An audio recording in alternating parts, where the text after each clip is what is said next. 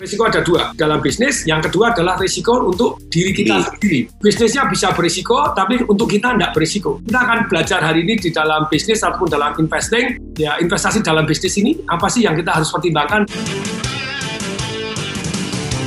Smart FM presents Smart Business Talk with Tung Desem Wadding In. Smart Business Talk. Ngobrol seru di program Smart Business Talk bersama dengan mbahnya dahsyat Pak Tunggu Semoringin karena beliau sudah ekspertis di bidangnya yang ngurusin masalah bisnis. Bisnisnya juga banyak nih Smart Business ya. Jadi kalau bicara masalah pengalaman ya udahlah asam garamnya udah uh, apal banget, udah hatam banget. Makanya kita coba belajar dari Pak Tung Semoringin gimana sih menimbang resiko di dalam bisnis. Pak Tung, ini kenapa harus menimbang Pak Tung? Bukannya langsung melakukan sebuah langkah untuk meminimalkan Pak Tung? Apa harus menimbang dulu baru bisa memutuskan minimalkan atau bagaimana Pak Tung? Ya, jadi dalam kehidupan kita harus menimbang risiko gitu ya. Di dalam bisnis banyak yang nimbang aja nggak mau. Jadi karena nggak mau nimbang, satu jadi langsung bergerak karena ketakutan, Mhm. jadi menghindar.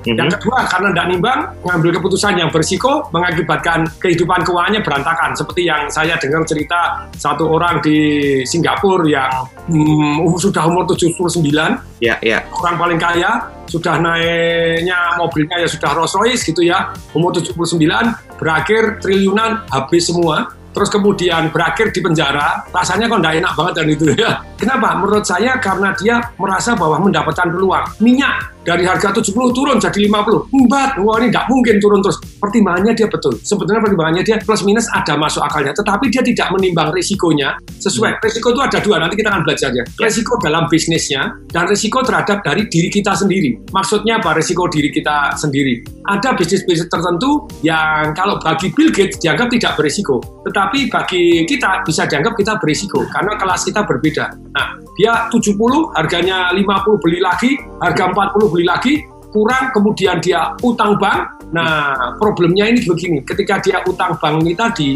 dia memanipulasi pembukuan keuangan dan ketika memanipulasi pembukuan keuangan sudah begitu mereka lagi turun lagi 30 turun lagi 20 begitu turun lagi 20 dia tidak tahan begitu dia sudah tidak tahan mulailah yang dia beli 20, dia beli 30, beli 50 dijual.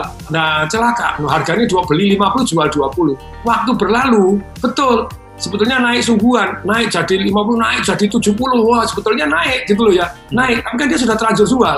Artinya udah habis semua dalam arti utangnya terpaksa harus bayar, stoknya minyaknya sudah terlanjur dijual dengan harga 20, pada harga sekarang 70, sebenarnya dia total-total sudah menang gitu. Tetapi karena dia sudah tidak tahan, jadi dalam bisnis itu sering kali begini, tahan mana atau mana tahan. Kalau Anda sudah mana tahan, Anda goodbye. Kalau tahan mana nih, saya masih tahan. Banyak menangnya Anda gitu ya, sometimes gitu. Anda harus hati-hati sekali lah. Inilah yang namanya manage risiko hari ini yang kita akan bahas. Entah Anda mau di korek, Anda mau di Bitcoin. Pada waktu Bitcoin, wah meledak tinggi-tinggi, saya bilang nih loh, dalam sejarah Bitcoin bisa loh turun 80% itu bukan hanya sekali. Saya ngomong gitu, oh ini old man, ini enggak, enggak loh, Anda baca dulu yang lengkap. Itu bagaimana memanage risiko, menimbang risiko ini, risiko bisnisnya, termasuk risiko kita, ingat ya, risiko ada dua.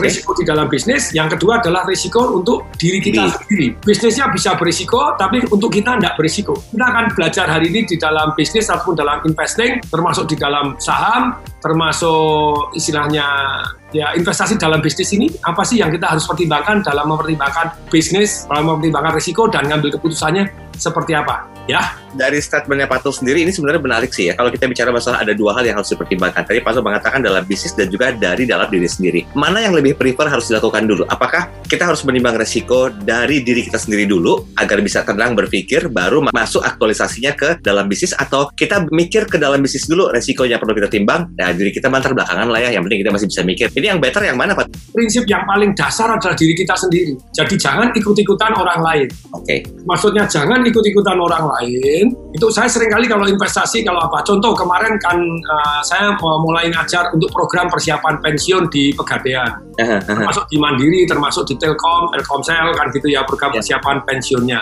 Nah, selalu kan saya bilang, kamu pensiun punya duit berapa selama ini nabung? 500 juta. Nah, ketika dia bilang 500 juta, Ya, ya. langsung kalau program persiapan pensiun yang lain kan itu apa ternak lele ya boleh belajar ternak lele terus kemudian apa ternak mutiara pergi ke Lombok banyak turnya sih prakteknya bakalan jarang. Kan gitu. Kalau saya ini loh, Anda nih ada minimart, ini ada ada franchise cafe, ini ada ada franchise untuk laundry. Mari kita timbang risikonya, kita nimbang. Terus kemudian wah ini kelihatannya yang paling aman eh, termasuk menguntungkan laundry Pak. Ini termasuk ini dari sejarah dari ada angka-angkanya semua atau dari statistik di masa lampau. Tapi saya bilang, wah buka berapa? 500 juta. Pak, Pak Tong, kalau gitu saya punya 500 juta, saya buka laundry aja. Saya bilang, no, no, no, no, no, no, no, enggak boleh. Anda nimbang risiko Anda sendiri. Anda tak hanya 500 juta, ini kelemahan para pensiun. Apa yang terjadi? 500 juta, dia dapat duit 500 juta, beli satu franchise, franchise-nya geletak. Jeblok, terus asetnya tinggal dijual-jual tinggal 100 juta. Waduh, tobat lagi. Jadi ketika Anda sudah umur 50-an ke atas, 55 ke atas, dimasukkan tahap aman, beda sekali dengan orang yang masih muda untuk memanage risikonya, menimbang risiko di dalam diri sendiri. Jadi nomor satu diri sendiri, demikian juga menimbang risiko. Setelah Anda tanya-tanya, oh ternyata laundry lumayan aman sih Pak ini gitu ya, luput kita akan pindah tempat. Tapi kan tetap ini, nah terus gimana? Saya punya 500 juta, Resiko yang bisa Anda ambil berapa kalau Anda sudah pensiunan? Menurut saya, daripada 500 juta Anda gebuk semua buka satu franchise terus kemudian nggak jalan, you die gitu ya. Nah, apa yang perlu dilakukan? Ya Anda 50 juta dulu aja lah keroyokan bareng-bareng sama teman-teman. Oke, oke. 50 juta, eh ternyata bagus Pak ini. Wah 33 persen income-nya, oh, udah 39 persen Pak ini bagus nih. Lah setelah 50 juta, mulai oh sudah mulai percaya diri kalau 50 juta sudah menghasilkan lumayan. Nah oke, okay, boleh nggak Anda kemudian buka lagi yang kedua 50 juta lagi? Boleh. Tapi kalau dari saya maksimum kalau Anda di dalam bisnis kalau sudah umur 55 ke atas ya 50 persen. 50 persen taruh yang aman dan menguntungkan. Sabar dulu. Saya ajarin, ya mulailah bisnis tanpa risiko. Lu ada atau bisa tanpa modal? Bisa. Makelar, anda setor waktu, setor pengalaman, setor ilmu Anda, wong Anda sudah 55 tahun, ya pasti pengalamannya luar biasa. Jadi sekali lagi, kalau sudah 55 tahun, duitnya tidak begitu banyak, jangan taruh semua, makin geletak lagi. Lupa, katanya bisnis itu kan harus berani mati Pak Tung. Hmm. Ya mati sungguhan. Kalau mati sungguhan enak enggak? Enggak enak lah. Kita lanjut lagi menimbang resiko di dalam bisnis. Tadi Pak Tung jelas mengatakan yang harus jadi satu atensi utama itu adalah dari dalam diri sendiri. Saya coba menjabarkan lebih spesifik lagi Pak Tung. Biasanya banyak orang yang ketika mendapatkan sebuah kenikmatan dalam aktivitas bisnis misalnya atau uh, aktivitas-aktivitas networking lainnya itu secara psikologis ada greedy yang timbul. Nah belajar dari pengalaman Pak Tung sendiri, gimana kira-kira? Kan kita menimbang dari berapa yang rela. Seringkali pada waktu di Bitcoin, pada waktu di Instagram saya ya, tung yeah. di pada waktu meledak turun 8%, ada yang nanya, Pak Tung, jadi tidak investasi di Bitcoin? Kalau saya, saya tidak saya anggap itu investasi. Even Elon Musk Anda cari di YouTube, Elon Musk yang pom-pomnya untuk Bitcoin, uh, lupa itu kan orang hebat betul orang hebat untuk segalanya tapi kalau di Bitcoin lebih ke pom pom gitu ya yeah. terus kemudian dia juga mengatakan kok bagi saya Bitcoin ya masih termasuk yang namanya spekulasi. Dia bilang gitu, itu ada videonya gitu. Tapi sekali lagi, kan kita nimbang risiko kita sendiri. Pada waktu, boleh nggak Pak Tung investasi di Bitcoin? Saya bilang boleh. Kayak hari ini, Forex boleh nggak? Ya, boleh aja, silahkan. Kalau dari saya, maksimal 10% dari kekayaan Anda. Setelah 10% dari kekayaan Anda, begitu harganya naik, take profit dulu. Modalnya diambil dulu. Setelah itu setiap naik harganya misalnya 20%, ambil 10% naik 50% seketika, ambil 25%. Ulangi, investasi 10%, atau yang kalau Anda kena, Anda tidak bunuh diri. Okay. Pak lah kekayaan saya ini kan saya masih muda. Oke, okay. kan tergantung umur satu. Nanti kita akan belajar tergantung umur. Yang kedua, selain tergantung umur, tergantung if something happen, Anda bunuh diri atau enggak. Jadi walaupun Anda sudah umur 70, Anda kemampuan mengambil risikonya cukup tinggi atau Anda termasuk agresif, anda tidak bunuh diri, tapi hidup Anda kan tidak enak banget. Jadi kemampuan dan kemauan Anda mengambil risiko, gitu ya. Kemauan itu harus dihitung dari kemampuan. Jangan mau tapi tidak mampu. Termasuk salah satunya dari umur Anda. Anda kalau masih muda, ya bolehlah nanti bangun lagi. Kemudian yang kedua, Anda begini, begitu profit, secepat mungkin balik modal. Anda naik sih diambil, naik sih diambil, naik sih diambil supaya cepat mungkin balik modal. Setelah balik modal, yang ketiga, begitu naik berapa, separuh diambil, separuh digulungkan. Nah, ini baru akan berkembang. Kalau Anda mau ngambil risiko, sesuaikan dengan umur Anda. Anda tergantung, Pak, saya orang yang apa? Moderat, konservatif, atau orang yang agresif agresif pun tetap harus dibatasi dengan umur. Contohnya paling gampang nih, kalau Anda umur 30, Anda kategori moderat, berarti yang aman sesuai dengan umur Anda. 30% taruh yang aman tidak boleh diudik-udik. Tidak boleh diberikan franchise semua. Loh, Pak, saya sudah umur 60 nih pensiun nih Pak. Tuh. Saya punya duit uh, eh, 1 miliar ini. Yang menurut saya 60% taruh yang aman. 40% Anda buka franchise, jangan langsung 4% gebuk semua. Mungkin uh, eh, 5% dulu, 5% dulu. Lu kok bisa urunan mana sama teman-teman? Kalau sekarang misalnya gini, Anda umur 70, 70% harus taruh yang aman Lupa kalau saya agresif, kalau agresif umurnya dikurangi 10% taruh yang aman. Maksudnya, saya umur 70 Pak Tong, saya agresif, ya 60% taruh yang aman. Loh, yang aman itu apa? Deposito aman. Mas termasuk kategori aman selama Anda tidak jual beli kan gitu. Properti yang Anda sewa-sewakan termasuk aman. Ada capital gain-nya, ada yang namanya capital gain, ada yang namanya satu lagi dapat cash flow gitu ya, punya properti. Nah, Bapak tuh saham properti gimana? I like it gitu. Tetapi perhatikan saham-saham Anda harus belajar dulu ilmunya.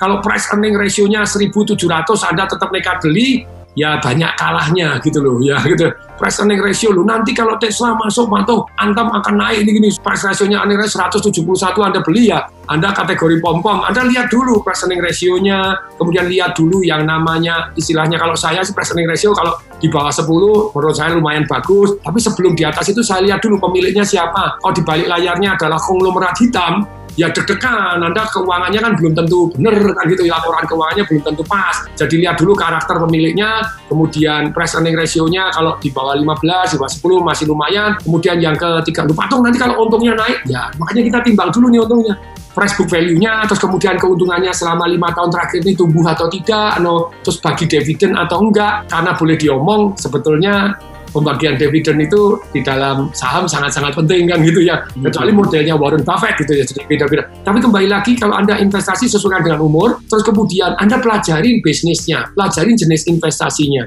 Investasi leher ke atas lebih penting daripada Anda investasi ke mana.